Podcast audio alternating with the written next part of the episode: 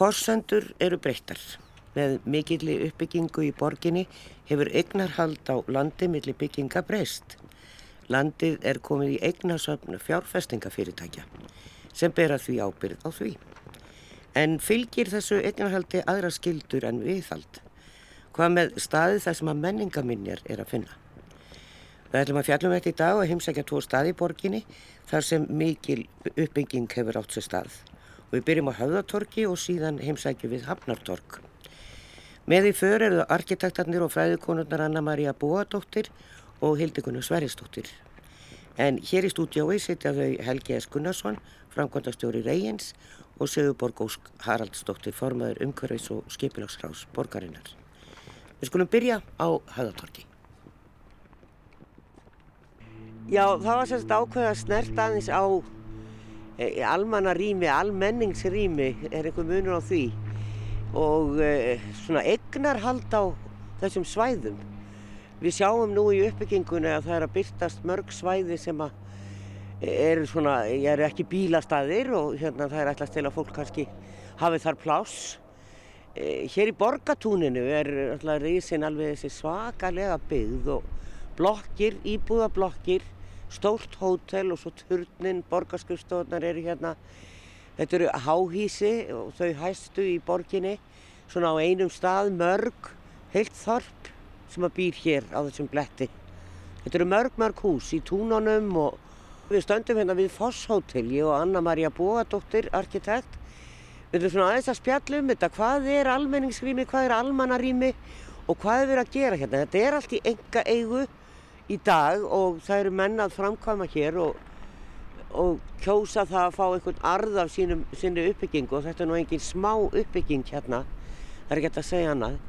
Þegar maður kemur hérna bak við fossóttilið, þá er svo ég hef aldrei komið hérna bak við og ég, man, man, man er bara bregður. Það er alveg stærðarinnar pláss hérna bak við og það er ekkert að gerast. Man sé nú að það er ennþá eitthvað eftir að byggingadótu hérna á lóðinni en þetta er gríðarlega stór lóð Reygin er nýlega komin inn í þetta batteri hérna og uh, arkitektin af öllum þessum húsum er Pálmar Krismundsson og uh, þetta er svona í stíl við turnin og svo Foss Hotel og þetta eru stórhísi. Hvernig líst þér á það? Það blæsir úr öllum áttum.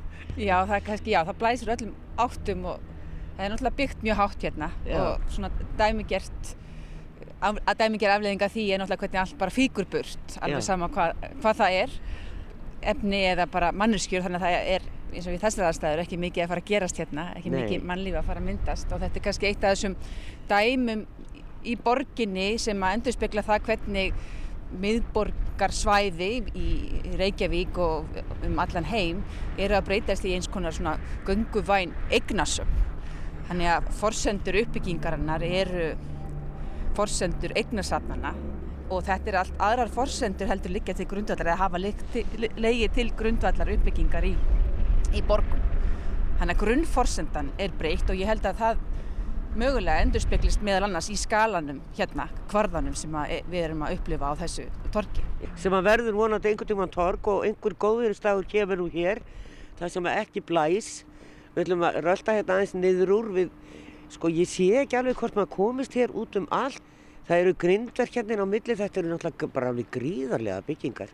Við sjáum hérna, er, eru að horfa aftan á borgarskristofunar hérna, er það ekki? Jú, þetta eru borgarskristofunar hérna Já. og svo eru þarna kaffehús og svona þjónustu hérna á jarðhæðanum. Já. Hérna eru ymsar skrifstofur í þessum törnum hér, Já. skilst, og hér er ekki íbúið. Þetta er allt saman íbúið hérna, gríðarlega hátt hús. Já, og þetta er allt í enga eigu all, allar þessar byggingar og líka borgarskjöldstofunar.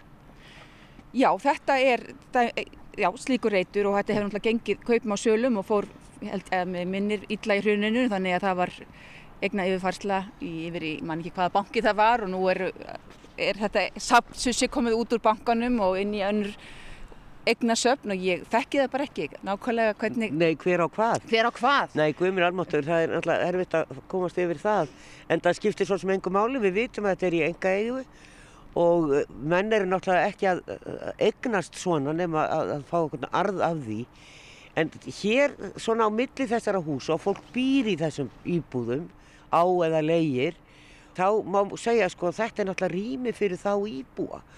Eh, En svona, er þetta almenningsrými eða almannarými? Hvort myndur þú segja? Sko ég held að rými getur verið hvort ekki senn en það er bara þetta hugtak með almanna rými, það tengist kannski þessum hugmyndum um almanna rétt, almanna hagsmunni, almanna, núna almanna varnir Já. sem er mikið, mikið brendefli þessa, þessa tíðina en það er þessi réttur einstaklingina, borgarlegu réttur og, og skildur líka og tilkall til rýmisins en almenningsrými, við notum þetta meira í tengslum við þegar við erum að ferðast bara í gegnum rými, við talum um almenningssamgöngur, almenningssalerni og svo framvís og framvís, þannig ég held að sé svona blæbriða munur á þessum hugtökum á þess að hann sé fastur. En það er og í rýmum, í opnum rýmum kvílir hvort tveggja, það er bæði þessi réttur borgara og sem byggir á svona ákveðnum samfélagslegu sáttmála og hins vegar það hvernig við erum að fjalla um og nálgast rými út frá því hvernig við e, lifum og hrærumst í þeim og hvernig við notum rýmin. Grunnforsendurnar þær eru breyttar og, og, hérna, og markmiðið með uppbyggingunni er ekki endilega almanna heill eða hagsmunir borgarana en það er kannski markmið með sjálfri uppbyggingu þegar þetta og kannski bara hvað er hverjar forskriftir félagana sem að eiga og reka þessi verkefni þær eru aðrar heldur en þetta væri ofinbert verkefni. Og vissulega hefur öll uppbygging alveg frá því á lokum 20. aldar það er miklu miklu meira byggt upp fyrir enga aðila heldur en ofinbera aðila. Og þetta er um allan heim þetta er bara breytingar á, á hagkerfum og humundafræði Væri ekki heppilegra að borgin ætti bara borgarlandið og síðan eiga bara þe- þeir sem að eiga húsin og íbúðunar og selja þær og- eða leiði út? En að svona land eins og hér á milli húsa að það væri bara í eigu borgarinn og borgin sæi um það. Það eru dæmi um hvort veggja, það er miklu einfaldara og þú segir að, hérna, og skýrara. Þetta er líka snýst um þessi sko, mörk milli eh, hins opinvera rýmis, almanna rýmis og svo enga rýmisins. Og þa- það er ekki hérna bara eitt hlýðsögur fyrir mig gegnum, heldur þetta er þetta ákveðin blæbriði. Þú getur verið með hálf sérrými Já. og þú getur verið með eh, algjört ofnbært rými. Og svo getur verið með svona algjört engarými og fyrir borgaran og fyrir okkur í rýmir það er mikilvægt að við skiljum og skinnjum þröskuldana hann á milli. Hvena við erum að ganga inn á engalof og hvena við erum í alvanarým og þetta, helga, og þetta tengist líka því hvaða réttindi við höfum. Má ég hérna kalla til fjöldasamkomi hérna og vera með mótmæli eða vera með, má ég tjá mig hérna á hvaða hátt sem er? Og þetta snýst líka um það en, og við sjáum torgin í borgum heimsins þau eru mikilvægu vettvangur fyrir rattir almennings að láta skoðun sína í ljós og hérna þannig þetta er ákveðin, ákveðin fjölmiðill það er hér sem að svona, hugmyndir reyfast og, og hérna við getum knúð á um breytingar og látið öll okkar heyrast Já. en það verða uppi spurningar hvort að svo, svona rými sem eru vissulega opinn, það er engin þröskuldar, það er engin hlið en hverjir raunverulega ráða því hverjir hérna Koma hinga og gera Já, hvað? hver, hverjir hérna stíga hér á stall og, og hérna og svo framvegist. Þannig að það eru svona ákveðin blæbreðmunur og kannski, ég segi ekki forsendubrestur en, en bara breytar forsendur og ég held að almenningur sé ekkit eða við séum ekkit endilega viss um þetta. Þetta eru svolítið engarými í líki almenningsrýma. Er hægt að tala um almenningsrými í, í, Þessu sambandi. í þessu sambandi? Já. Þannig að þetta eru, já, þetta eru svona, þetta er gerfi almenningsrými. Og þú myndir síðan á hvort að borgin ætti, var ekki einfalda, eða besta borgin ætti þetta. Það eru mjög góð dæmi um engarými og allskynns módel fyrir því í erlendu borgum að hérna, engaðilega komi að ímist rekstri, ekki endalega, eða eiga hann að reka rými, mjög fræð dæmi um það í, í New York og þá snúast verkefnin um það, jú, að fá fleiri, fleira fólki inn í búðirnar og búa til sem fallegast og besta nærumhverfi. Við erum með Bryant Park og 34th Street Partnership, Times Square Já. og víðar, Grand Central. Þetta eru allt svæði þar sem eru stór félög sem að hérna raunverulega sko, taka að sér ákveðin rekstur fyrir borgina. Þau eiga þetta ekki og þetta eru non-profit félög en það eru raunverulega hagur hérna, rekstraraðila og eiganda hérna, fastegnana að gera, halda þessu lifandi og það eru sko heil her af starfsmunum sem eru úti að telja og greina og, og þrýfa þannig þetta er, þetta er mjög kostnæðsamt og ég er ekki endilega að segja að þetta sé rétta leiðin. Að því að sama tíma þá er líka verið að hérna, eh, takmarka svolítið aðgengi. Það er til dæmis ekki settið bekkir eða getur mögulega einhver svona einhver rónar lagst þarna. Þannig að það er ekki viljið til þess að hafa fjölbreytileika mannlífsins og alla flóri mannlífsins heldur verið að þurka út þá, sem að hérna eru óæskilegir. eru óæskilegir á sama tíma.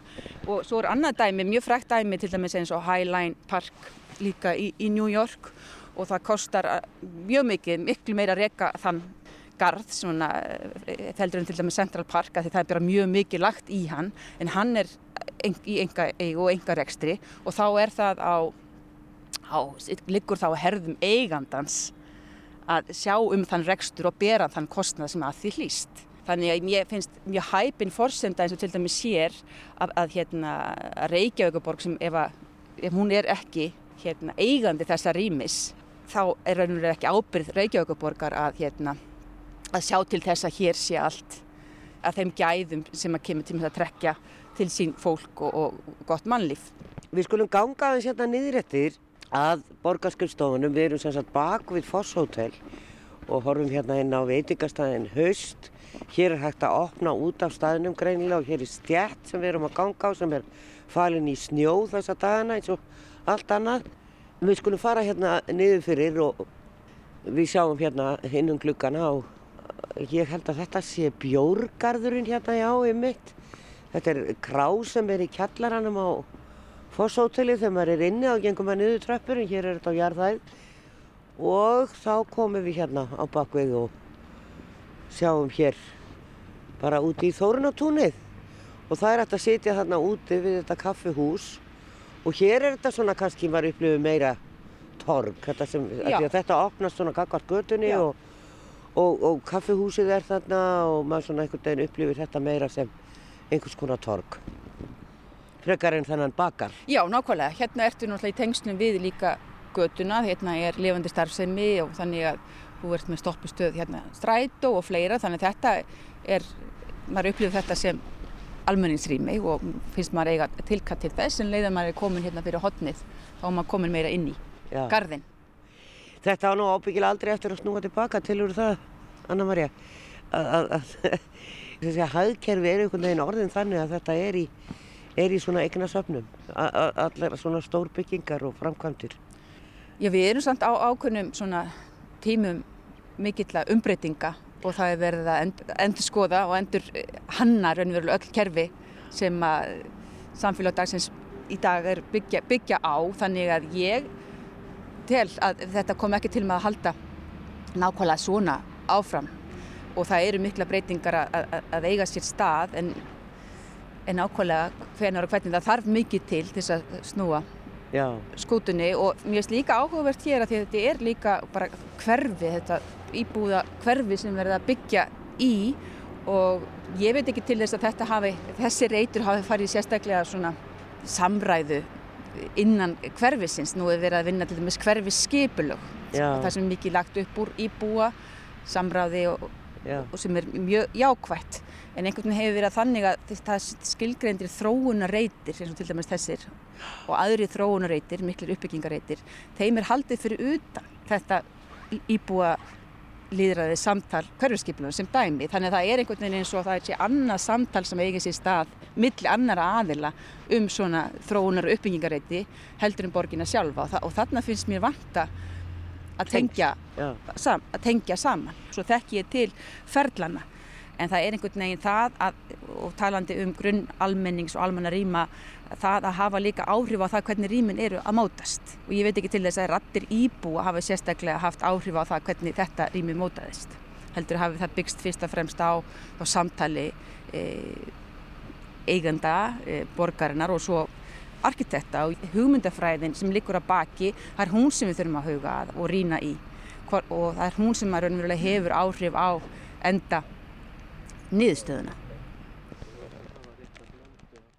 Sagði Anna-Maria Bóadóttir arkitekt en hún gaf út bókina hans Jan Gehl, danska skipilagsfræðisins og arkitektsins um mannlífi millir húsa og hefur góð þekkingu á borgarskipulagi. Það vakna ímsar spurningar við hennar orð og við heilsum upp á Sigurborg Ós Karalsdóttur borgarfulltrúa og Helga Eskunnarsson, Frankundastjóru Reyils. Velkomin. Takk. Takk. Mér, eins og ég sagði nú þarna, mér brá bara þegar ég kom fyrir hótnu á hótelinu hvað þetta er gríðarlega stórt flæmið þarna á bakvið.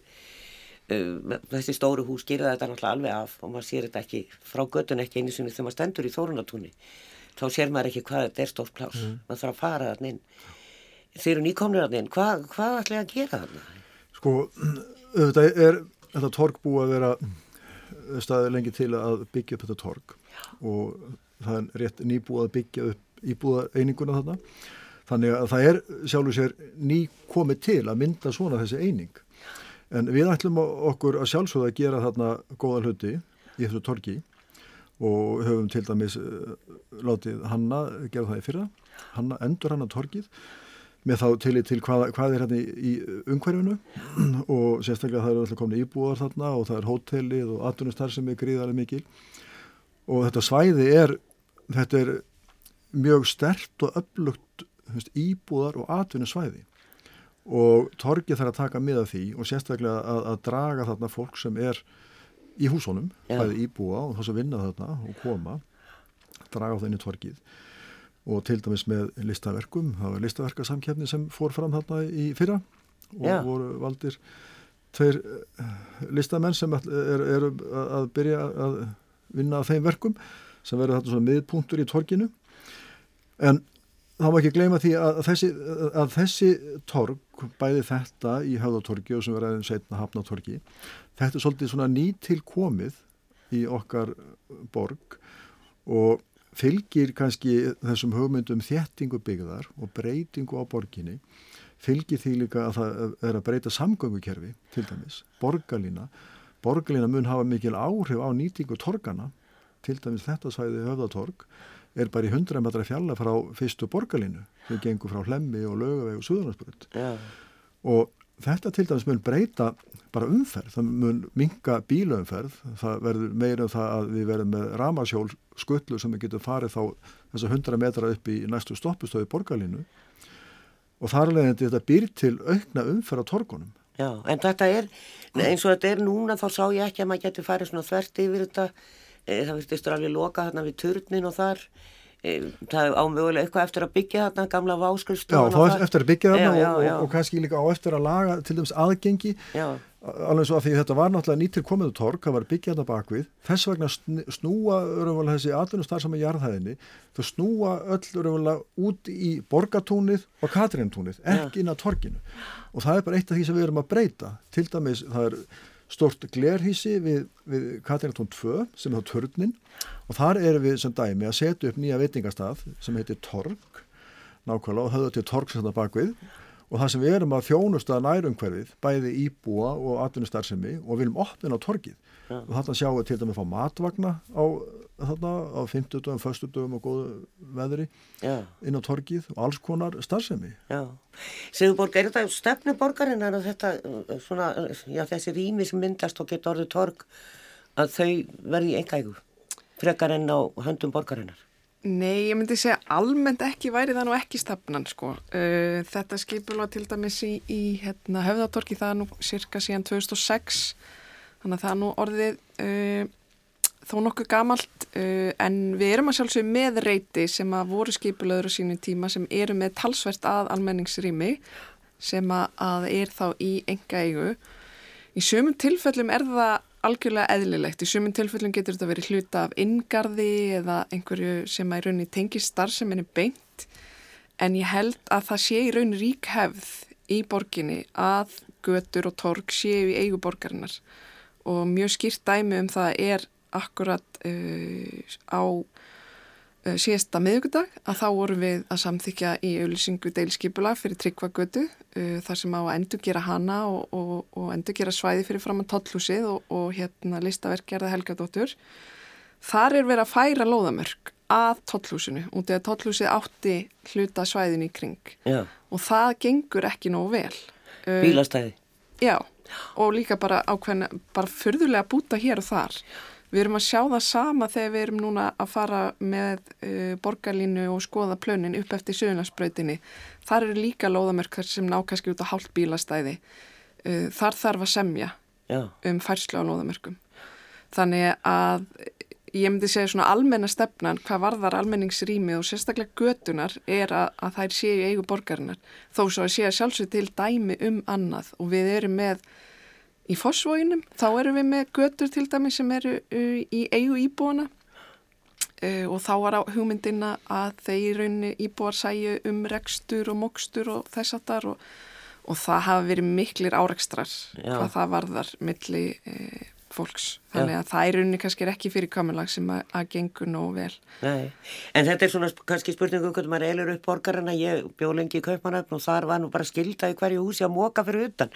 Og, og, og þannig að það var, var ekki upp á Kaupmannöfnaborg að móka gangstétturnar. Það var bara hver og einn gerði það fyrir utan hjá sér og svona með fram húsinu þannig að þá var það bara búið og gert Já. en kannski ekki eins mikill snjór þar eins og oft hér þannig að það er kannski vant með fari hér í þessari borg en þetta samtal, þróunarreitir og borgaratnir eh, Anna-Maria hafði orð á því að það er samtal í þessum nýju hverfiskipilögum mm -hmm. það er mikið samtal við borgarana og verið endunni og reyna bæt og laga en á þróunarreitum virðist það ekki fara fram eða hvað? Já Sko hluti af því er að sumir þróunareitir eru ekki með það marga íbúa í nei, kringu sig. Nei, nei, en þarna er alldeles margir. Já, þarna er, er það svo sannlega, en það er, var í rauninni skipulagi teiknað þarna fyrir uh, já, þó nokkuð mörgum ár síðan, þannig að þá í rauninni var þessi hugmyndafræði sem stiðist við í hverju skipulagi í dag, hún var ekki komin á stað innan borgarkerfisins, þannig að það er nú kannski eðlilegt að hún hafa ekki verið nýtt í það tilvík. Já, kannski að bæta við þarna að að þetta samtal auðvitað uh, það er alls ekki þannig að enga aðili og það svæði séu enga eigu því það að sá aðili vil ekki samtal að sjálfsögðu ekki. Nei. og til dæmis að svo, þau viðskipti sem fara fram við sækjum þau viðskipti í fólk. Við erum ekki að eiga viðskipti en einn annan. Fólk sem vinnur og, og fólk sem íbúa vestlar þannig það er náttúrulega hagur okkar að það sem við erum að gera fjárfæst í það falli fólki í geð og að sjálfsögðu e, e, eru samili hagsmunir milli, milli ofnbæra aðeila á borgarinnar og okkar og íbúa í flestum tilveikum. Já, e, við hefum trönga tíma, við hefum eftir að fara nýra á Hafnatorg með Hildikunni Sveristóttur og við skulum bregða okkur þanga. Gönguríminn í bænum hafa, þeim hefur fjölgað verulega með þessari uppbyggingu og skemst að minnast hjartatorgsins hér sem að er á hljómalindareiknum eins og hann var nú kallaður þegar það var verið að byggja upp þar. Og síðan er komið lítil gata frá laugavegin er á hverfiskötu í gegnum og búið að byggja inn á lóðina þarna. Á músi tíu dróp á gamla fálkan þetta eru svona gömulfyrirtæki sem eru löngu horfin en sumir muna. Og svo náttúrulega hérna er á Hafnartorki sem er búið að byggja gríðarlega mikið og það veit nú svo til að sami arkitekt á þessum húsum og upp á höfðatorki þessum við vorum áðan. Það er Pálmar Krismundsson sem teiknaði þetta líka og hannaði þetta svæði hér. Hildukunni Sveristóttir arkitekt er með okkur hérna. Og við stöndum hérna við ingangin að einni göngugutunni hérna við hliðin á HM sunnan við það hús. Horfum hérna inn. Hér eru nokkri bekkir og svona hannaðir ljósastöyrar svona gönguljósastóra með lægri læri ljósum en það eru ennþá jólaljós á, á þeim og að nú alveg vera með þennan myrkrið er. Og þeim fjölgar hérna búðunum og þetta er náttúrulega vestlunakverfi en íbúðir á efri hæðum í mörgum húsana og skrifstofur á öðrum. En það sem við erum að fjallum er hver á þetta. Það er eignasafn, e, eh, reygin á hér alla neðstu hæðir og gungu leðirnar, alla götur það er, er í enga eigu Þetta er eitthvað sem við hefum alls ekki átt að venjast í okkar borgar umhverfi eða bæjar í bæjum. Núna er þetta bara öðruvísi eins og er út í heimi. Það er svona spurning, hver ræður yfir þessu plássi? Þetta er alveg öruglega hildikunur almenningsrými. Það er ekkert vafamál með það. Já, Sko, þetta er náttúrulega að teikna sig á sem yeah. almenningsrými getur við sagt en, en sko þá þarf maður svolítið að skoða hugmyndina um almenningin almenningur sem, sem rými það er náttúrulega er til sem hugtak hjá okkur í, í okkar máli að, að hérna, almenningur er, er, er staður þar sem allir geta komið á þar sem að, að bændur í gamla dag gáttu hérna, beitt, allir bændur það var enginn sérstakur eigandi aðrýminu heldur var þetta einhvers konar sameg og í nágrannarlöndum okkar sérstaklega kannski það sem eru, eru smarri hérna, eh, segja, minni lendur, nefnir til dæmis Holland, að þá er hugmyndin um almenningin, hún er voða sterk og laung hefð á baku hvernig maður notar almenningin. Það voru til dæmis almenningslendur oft á bæjum, í bæjum sko, sem voru kannski ágætið speitilönd og það var svona gert til að samfélagi treyði sér fyrir því að allir gætu borðað. Það móttu allir beita kunnum sínum á almenningin Já. en það móttu ekki selja mjölk úr kú sem var beitt á almenning. Þannig að þetta var til þess að samfélagi geti lifað af en þetta var ekki hugsað sem sko hérna til þess að, að, að búa til verðmætur nema bara fyrir, fyrir samfélagi sem slíkt. Já. Þannig að, að hugmyndunum almenningsrými eru líka eins og bara í flestum borgum í, í Evrópu þá ertu með einhvers konar torg fyrir framann ráðhúsið eða kirkuna sem er einhvers konar almenningsflötur þar sem að fólk getur komið og, og hist. Og ofta tíðan var það líka notað til vestlunar þar sem ætlis að skiptast á vörum og þjónustu. Þannig að hugmyndunum markastorg til dæmis er byggt á ákveðnum almenningi. Hér eru við eins og verið svolítið öðruvísi torgi, þetta heitir torg þó við sjáum sjálfsögur ekki torg hérna. Og í rauninni eru við inn á miðri lóð. Í sjálfur sér hefði hérna, eigandi þessa, þessari lóðar geta fyllt bara lóðina af byggingu en eftir því sem ég skilst að þá er samið um það millir borgarinnar og eigenda að það erði gert hérna broti í þennan massa til þess að þetta væri ekki eins svona stór hérna biti fyrir bæjar svona myndina. Og úr verða sérstaklega þessar tværi götur sem maður upplifur svona þegar maður er að, að, að hérna ferðast hérna milli. Annars er hérna söður með HM húsinu svo við, við köllum það þannig. Já. og svo er önnur sem tengir hérna lækjatorg og, og hérna og fer alveg yfir á Östubakkan. Þetta er rými sem segir okkur að við sem almenningur megum ferðast hérna en við erum í rauninni komin inn á lóð eiganda sem er í þessu tilfelli reygin sem þýðir að reygin er hérna geskjafi og það er eitt er til dæmis með hvort við mættum hérna halda tónleika, annað er hvernig, hva, hvað gerist þegar við sem svona samfélag eða líðræði viljum tjá okkur? Við megum til dæmis eh, allavega upp á vissu marki eh, standa fyrir mótmælum eða standa fyrir einhvers konar hérna, hvað ég segja, byrta okkar, okkar svona þáttöku sem, sem, sem í, í líðræðinu á, í almanninsrými en það megu við sjálfur sér ekki hér nema geskjafinn leif okkur. Þannig að gestgjafinn sem er eigandi þessara gatna hefur ákveð vald sem við höfum ekki tilbaka. Við skulum rölda hérna inn úr því að sko Reykjavíkuborg á Lækjartorga þurfi að fullir það og Ingólfstorga hluta, steindósfjölskyldan á hluta af Ingólfstorgi sem er bara síðan í gamla daga, síðan þetta var leigubílastöðin Steindór var á planinu sínu þar, fjölskyldan á ennþá þann skika af Ingólfstorgi.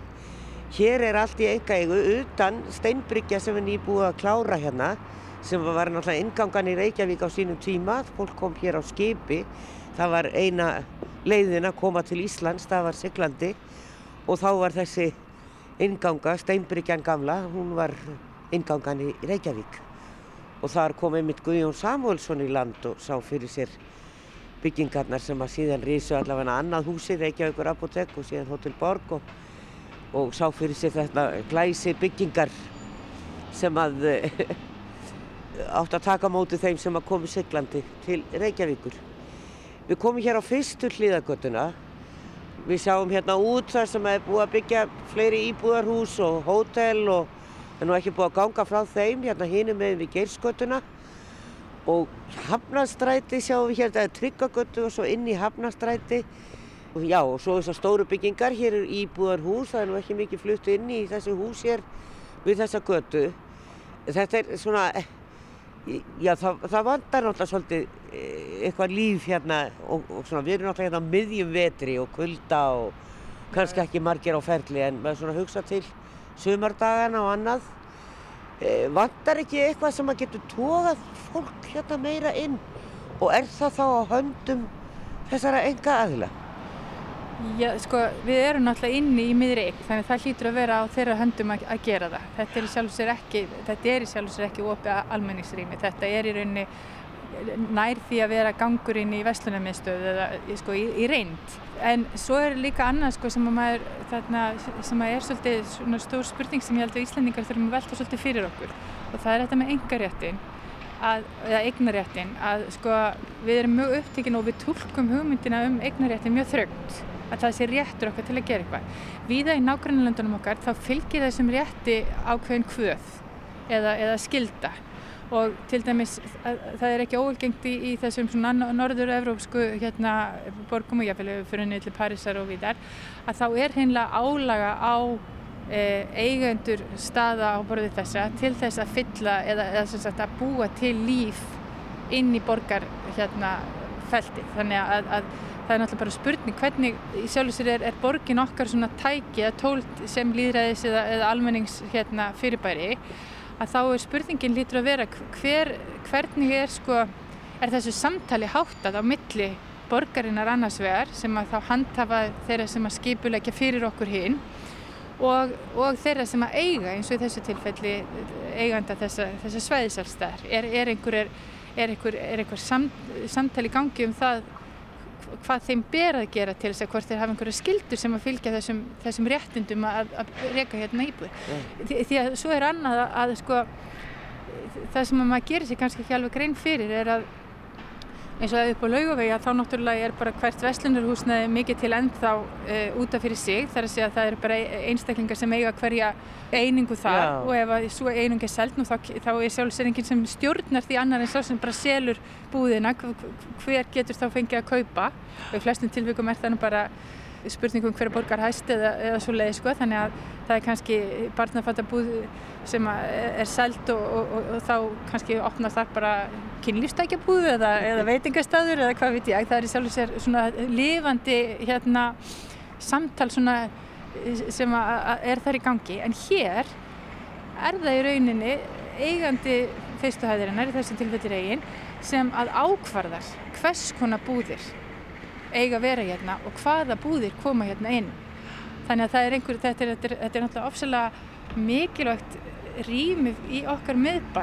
Þetta er rými sem tengir höfnina og þessari nýju starfsemi sem er að, að byrja nýra höfn og miðbæin okkar gamla og í rauninni að þá er þetta allt, eins og ég segi, nærði kannski að vera eins og einhvers konar sko shoppingmól eða, eða svona, heldur en, heldur en, en raunverulega svona opið verslunarími. Þannig þetta er allt voðalega mikið stýrt.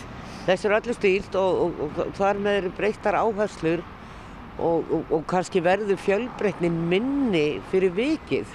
Eða hvað segir þú? Já, já það er að segja, sko, fjölbreytnin hún verður allavega mjög á forsendum markaður og verslunar. Það er að segja, hérna, það er ekki beinleginis kannski sköpunagleðin úr, úr, úr mannlífinu sem stjórnar því heldur meira hvað heldur fólk út frá einhverjum svona útrekningum að sé lífanlegast til þess að, að, að, að búa til sölu hérna samhengi. En hins vegar getur maður náttúrulega líka sagt að það er ákveðin svona samleðar áhrif, það er að segja það er náttúrulega eigandum strekstræðaraðilánum og eigandum staðarins fyrir bestu að lífi sér mest, það sé svona mest aksjón í gangi og, og að vestlunum gangi sem best. Til þess þarf náttúrulega fólk og líf og það er það sem við hinn viljum náttúrulega fá hérna inn líka. Maður það bara svona aðtúast að þessar, þessar forsendur eru kannski ekki eins augljósar og okkur sínist eða ekki eins einfaldar okkur sínist og ég held að þess að skiptir svo miklu máli að þetta samtal um ábyrð og um hérna hvað ég segja hlutverk þessa fyrirbæris hérna í svolítið viðkvæmu og mikilvægu rými eigi sér stað. Engaðilinn sem á þetta ræður í rauninni hvað gerist hér e, og, og hvers konar búðir fara hér inn. Nú hef ég nú heyrt oftar en einu sinni að til dæmis í e, Fraklandi eða í París þá ef að, ef að bakari er til sölu þá e, kemur ekkert annað þar í staðin annað en bakari. Þeir, þeir svona passa upp á að það sé svo fjölbreytni í veslun, í hverfonu þannig að fólk geti náði þess að það vantar áriðandi hluti fyrir rekstur heimilisins. Það er kannski svo stýring sem að, eða svo samvinnar sem þarf kannski að vera á milli svona enga aðila og borgarinnar að, að, að fjölbreytnin fá að blómstra. Já, nákvæmlega.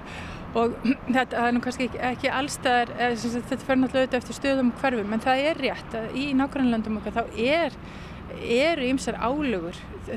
Það er bara fólk komið með svona ákveðin þroska sem borgarar ákveðin svona, það er búið að hafa þennan, þessi hundruð ár til þess að svona æfa sig í því að hvað þýðir að vera með borg og hverfi og hvernig mannlífi getur blómstrað og það er náttúrulega byggir á þessari reynslu þekkingu.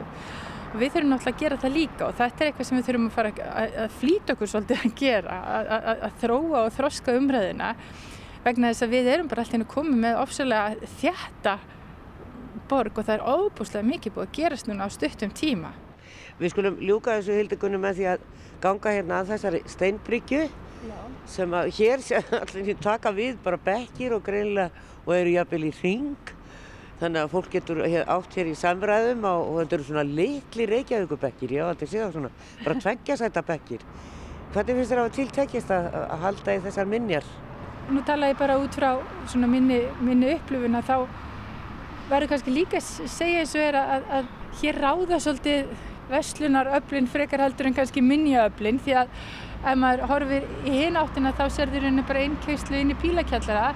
Þannig að þetta verður svolítið sko þessi tenging við höfnina verður svolítið klift og hérna þannig að það verður kannski erfitt fyrir þá sem ekki vita um hvað Þetta snýst? Um hvað þetta snýst að þetta sé í rauninni tengist niður við höfnina. Sérstaklega því að nú er náttúrulega fylling í Östubakkanum þannig að maður sér ekki út í höfnina á sama hátt og maður gerði áður sko. Maður horfið náttúrulega bara í húsgabla en, en það er margt, margt fint við, við, við þessi minnir og, og mér finnst sjálfsagt að það sé reynd að halda í þessa sterku sögu og tengingu borgarinnar við höfnina því að, að höfnin er í rauninu svo óbúslega stýrandi afli okkar sko borgarþróun Sagði Hildegunni Sværistóttur arkitekt og fræðimæður en hún hefur verið við kjenslubæði hér og út í hinnum stóra heimi á merkum háskólu.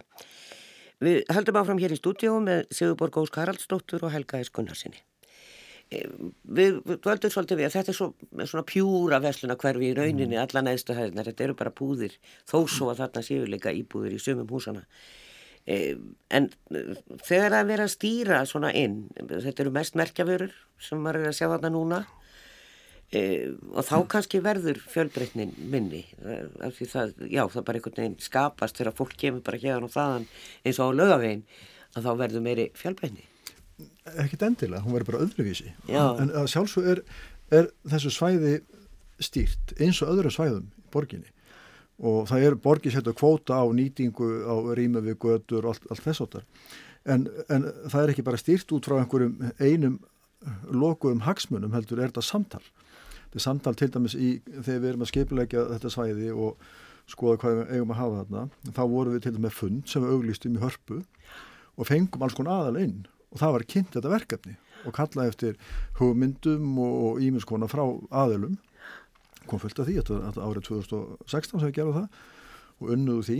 Það er mikið samtalið borgina hvað er gert og hvernig þess að götur, auðvitað er þetta mjög spennandi að heyra frá hvernig Hildegunul setur þetta fram og margt mjög mjög skemmtilegt og áhugavert og kannski svona hluti sem við höfum ekki alveg hugsaðum sem er mótmæli sko, hvað gerir maður mótmæli verðasvæðinu Já, nákvæmlega, það kom á því Kannski tækifæri því Já, keppaðu austuðar En það held ég sko eins og til og með nótkunn og nýting það er búið að ræða það mikið í borgina og, og það er ákveðin, sko borgin hefur ákveðin, ákveðin réttindi og skildur og alveg svo við og sjálfsög höfum við skildur, þetta er rými sem við ætlum að hafa opinn og við erum til dæmis að leytast við það að hafa það opið þannig að þú lappir í gegnum byggingana líka og inn á gödunar og, og, og niður á höfn og það er mjög mikilvægt og það er bara okkur í haga sem flesti komið þarna. Já, þau veit það.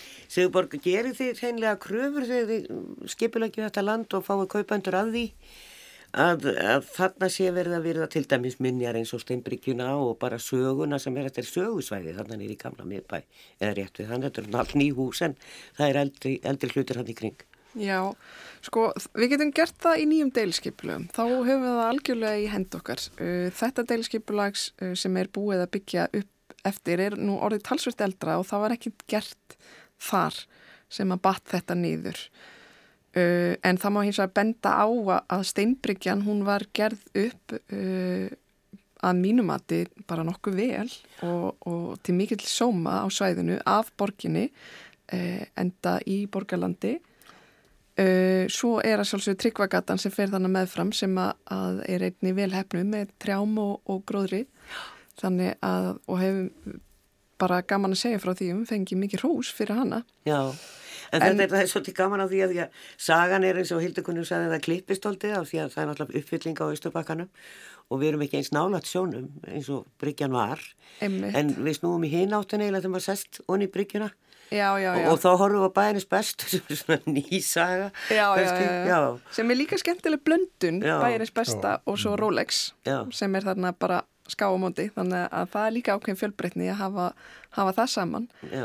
en hérna, jú, það er ákveðin veist, þetta klippist aðeins en, en, en á sama tíma er rosalega sterk tenging því að Steinbryggjan hétt upprunnilega bæjarbryggja og þetta var fyrsta bryggjan sem var fyrir almenning við höfnina. Bygg, bryggjur voru í eigu mismunandi kaupmanna en sem sagt höfnin ákvað að byggja bæjarbryggju á sínum tíma sem var fyrir almenning til að nota og síðan var hún gerða steinbryggjunni þegar að konungurinn kemur í heimsón Já. og þess vegna heitir torkið sem að bæjarins bestu standa á bæjartork það er út af bæjarbryggju en svo náttúrulega tengist það líka bæjarins bestu. Nákvæmlega, en, eh, gaman að þessu, en e, svo er náttúrulega líka kólaportu þarna, hún ta- talaði aðeins um markastorg fyrir tíma. Og, og þau eru nú að finna í mörgum borgum þar sem að er svona kannski betra viður en hér en, en þetta er okkar markastorg, kólaportu. Já, og mjög, þetta, er, þetta fer vel saman. Já, þetta, þetta, og þetta er bara hluta því til dæmis að vesla með, með notaða vörur það er bara hluta fyrir þróun og breytingu sem er að verða eitthvað samfélagi. Þannig að allt þetta á, á vel saman og það þarf bara að hugsa þetta sem ein, eina hild og til dæmis þegar við vorum að skipulegja hafntorkið þá komum við með störtu upp í samtali við borgina um að tengja saman kólaportið og, og þessar götur sem hefur síðan aðeins tengst inn í þessa vinnu sem er þá við, við það tryggagötun að snúa, snúa rumvöla að færa þetta opna rými eða lausa rými nær tollhúsinu. Það eru sólinn, flytja fyrir bílastæðin hinum veginn og þannig ég held að þetta hafi bara tekist bara mjög vel. Og, en auðvitað er þetta mjög laungu vegferð svona skipulasbreytingar og sem dæmi eins og ég hef sagt áður eins og þetta austurhöfn sem er það hafnatorg og, og, og austurbakki. Þetta, það eru 20 ár síðan núna. Það er tekin ákvörðun um það að, að þá var þetta borgarstjóra, Ingeborg Solrúnu að vilja fá tónlistarlósið þarna niður eftir og taka alla þessa lóð undir. Og við, við þessa ákvörðun sem var það alveg algjörlega meðvituð að mínum mati að þá var verið að flytja miðpunkt og þingdapunkt miðborgarna til nær höfninni. já. Og það er bara að gerast akkurat núna 20 ára síðar. Nákvæmlega, en eh, við skulum tala eins um tjáningafrelsið, því að ef að þú átt torkið og, og þínu félagar í, í, í reygin e, og ég vil halda mótmælafund og á því þá er hingið þig og spyrja, heyrðu, ég alltaf hérna Þetta er bara eitthvað alveg nýtt sem við hefum ekki hugsað út í. En þess að dæmi eins og, og maður hingið og vilja hafa mótmælafund í smáralind þá myndu við segja nei en ég bara veit ekki hvað myndi gera þessu við höfum bara ekki hugsað þetta til enda. Nei, nei, Þetta nú er mikið plásatan til dæmis upp á höfðatorki það var hægt að mótmæla til dæmis borgarskipulagið þar og þungletti Algjörlega. já, ef að fólk hefði áhuga á því. En, en það eru forveitilegt að það kemur einhvern tíman upp eins bara tónleikahald og ef ég vil setja upp einhvern söluvagn eða eitthvað slíkt ef, ef borgarinn vil koma þann inn. En bara til að varpa fram sko hvernig eins og, eins og við hugsum svona svæði að þess, við erum með vestlunaríma jarðhæð og alls konar veitingar og þjónustu. Og þar erum, erum við að leia rými til veitingaðala, við erum að greiða háfastinagjöld og skatta til borgarnar og sem þessir leigu taka borga. Þannig að, við hugsum okkur vel um áðunum fyrir að setja þá söluvagnar beint fyrir frama þær vestlanir á háana tíma til að taka öll viðskiptin. Já, það er sjálf og sér ekki bóðlegt fyrir þá aðla sem eru að borga alls í gjöld og, og skatta sem borgar af þessum eignum. Já. Þannig að svona þarf hugsa líka. Þú getur ekki gert þetta bara einliða Nei, nei, Anna Maria myndist á New York og, og svona rekstraraðila non-profit fyrirtæki sem, er, sem eru, eru þá rekin án gróða en eru virðist vera á vegum New York borgar. Og það er greitt þeim er sem sagt greitt laun fyrir að reka í rauninni þessi rými. Og síðan eru eigendur að, að veslunum og þjónustu fyrirtækjum Er þetta eitthvað, hún sagði ég er ekkert við sem þetta sé rétt að lausnin en er þetta eitthvað sem að þið hafið hugsað um, einhvers konar fyrirmynd að, að, að fá aðra til að reka þessi rými þannig að þarna sé líf? Í borginni almennt? Já, já, svona opin rými. það hefur við nú ekki. Ég held að, svona aðalmarkmið sé að svona þessi stæstu og mikilvægstu almenningsrými og götur sé í eigu borgarinnar. Það er stefnan. Uh, það er líka mjög mikilvægt að- þegar að, við erum að skipulegja uppbyggingu og í mörgum tilfellum í dag mikla uppbyggingu að þá fær lóðarhafi ákveðin ágóða og þess vegna erum við að setja kröfur á að, hann taki þátt í kostnaði við innviða uppbyggingu. Uh, eins og við þekkjum vel í vofabiðinni þá er lóðarhafar taka þátt í kostnaði við að gera torg og götur og, og hjólastíga þannig að það er svona, það er runni aðal stefnan. Síðan er hitt, það er rekstur rýmana og ég held að kannski er rekstra formið ekki aðalatri heldur endanlega nýðustada að við fáum gott almenningsrými sem að borgarbúar upplega sér velkomna í og að fólk upplifi ekki einhvern mismunun á, á stjætt og stöðu að þú þurfur ekki að hafa, vera ákveðin, ákveðnum stað í samfélaginu til þess að geta vera ákveðnum stöðum í borginni. Það má alls ekki verða þannig. Nei. Við viljum ekki hafa stjættaskiptingu í almenningsrýminu og svo er þetta hérna, dýrmæta verkfæri að mótmæla. Það er náttúrulega tala ég sem pírati og hef nú mætt á flest mótmæli í borginni að hérna, ég það er gríðarlega mikilvægt að það sé hægt að mótmæla þar sem að fólk vil mótmæla og ég er ekkit vissum að sá sem ætlaði að mótmæla myndi endilega taka upp síman og ringja í reygin það myndi kannski bara mæta á svæðið og hafa mótmæli. Það er stundum það sem að gerist og stundum þarf borgin að, hlaupa til og taka sprettin þegar að mótmæli byrja og mæta á svæðið og hjálpa fólki að tengja í samband, það vil fá ramag til þess að geta uh, haft sín mótmæli þannig að hérna, þau er ekki alltaf, alltaf skipulögð. Nei, nei, það er enda rétt.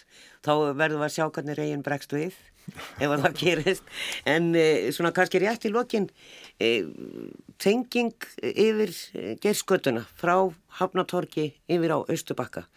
Nú er þetta sterkasta umferðaræðin þarna núna af sæbrautinu og vestur í bæ og út á Mýragötu og áfram en, e, og svolítið þröngt og umferðaþungi að það menn kvarta undan því svolítið. Mm -hmm. en vonandi mingar með borgarlínu. En, en á að vera einhver göngulið þarna á milli. Já, já, og það, það er sjálfur komið göngulið yfir, við eigum sæðið hínum einn við Hafntorkið sem er þá erum við að kalla Östubæki og þannig að það kemur síðan landsbánkin og vonandi byggist upp á næstu þreymur árum en þessi svo kallar reytur 5 það sem eru íbúður og, og, og veitingastæðir verða á jarðhæðinni og undir dagveruverslun sem dæmi yeah. sem við erum að stefna til að draga fleira fólk og þetta getur, getur gengið hefst, frá lækjatorki, gegnum hafnatorkið yfir geiskutuna og áfram að hörpu og niður að höfn. Verður það á einhverju brú þá? Nei, nei, þetta er bara að gengið á yfirborðinu og það var ákveðið að hæja á umferðinni í geiskutu, hún breykkuð og hægt á umferðinni niður í 30 og þannig þetta er bara breið, breið breið göngu, breiðstræti breið gönguleið. Og ég held að það tekist bara mjög vel. Nákvæmlega. Að hafa umferð á yfirbörði Ég lít líka svo á að þessar götur sé ekki alveg full kláraðar að það eigi eftir að klára að koma fyrir þannig gróðri og fleiri bekkjum og gera þetta mannvægna því að þetta er raunin svona fyrsta breiðstrætið í, í borginni og það skiptir rosalega miklu máli að vel hefnist til og við náum að tengja miðbæin við hörpuna því það var nú aðal markmi Já Það er nefnilega það, Sigurborg Óskarhaldsdóttir formaður umhverfis og skipilagsráðs og Helgi S. Gunnarsson, frangatastjóri Reyins. Takk fyrir. Takk.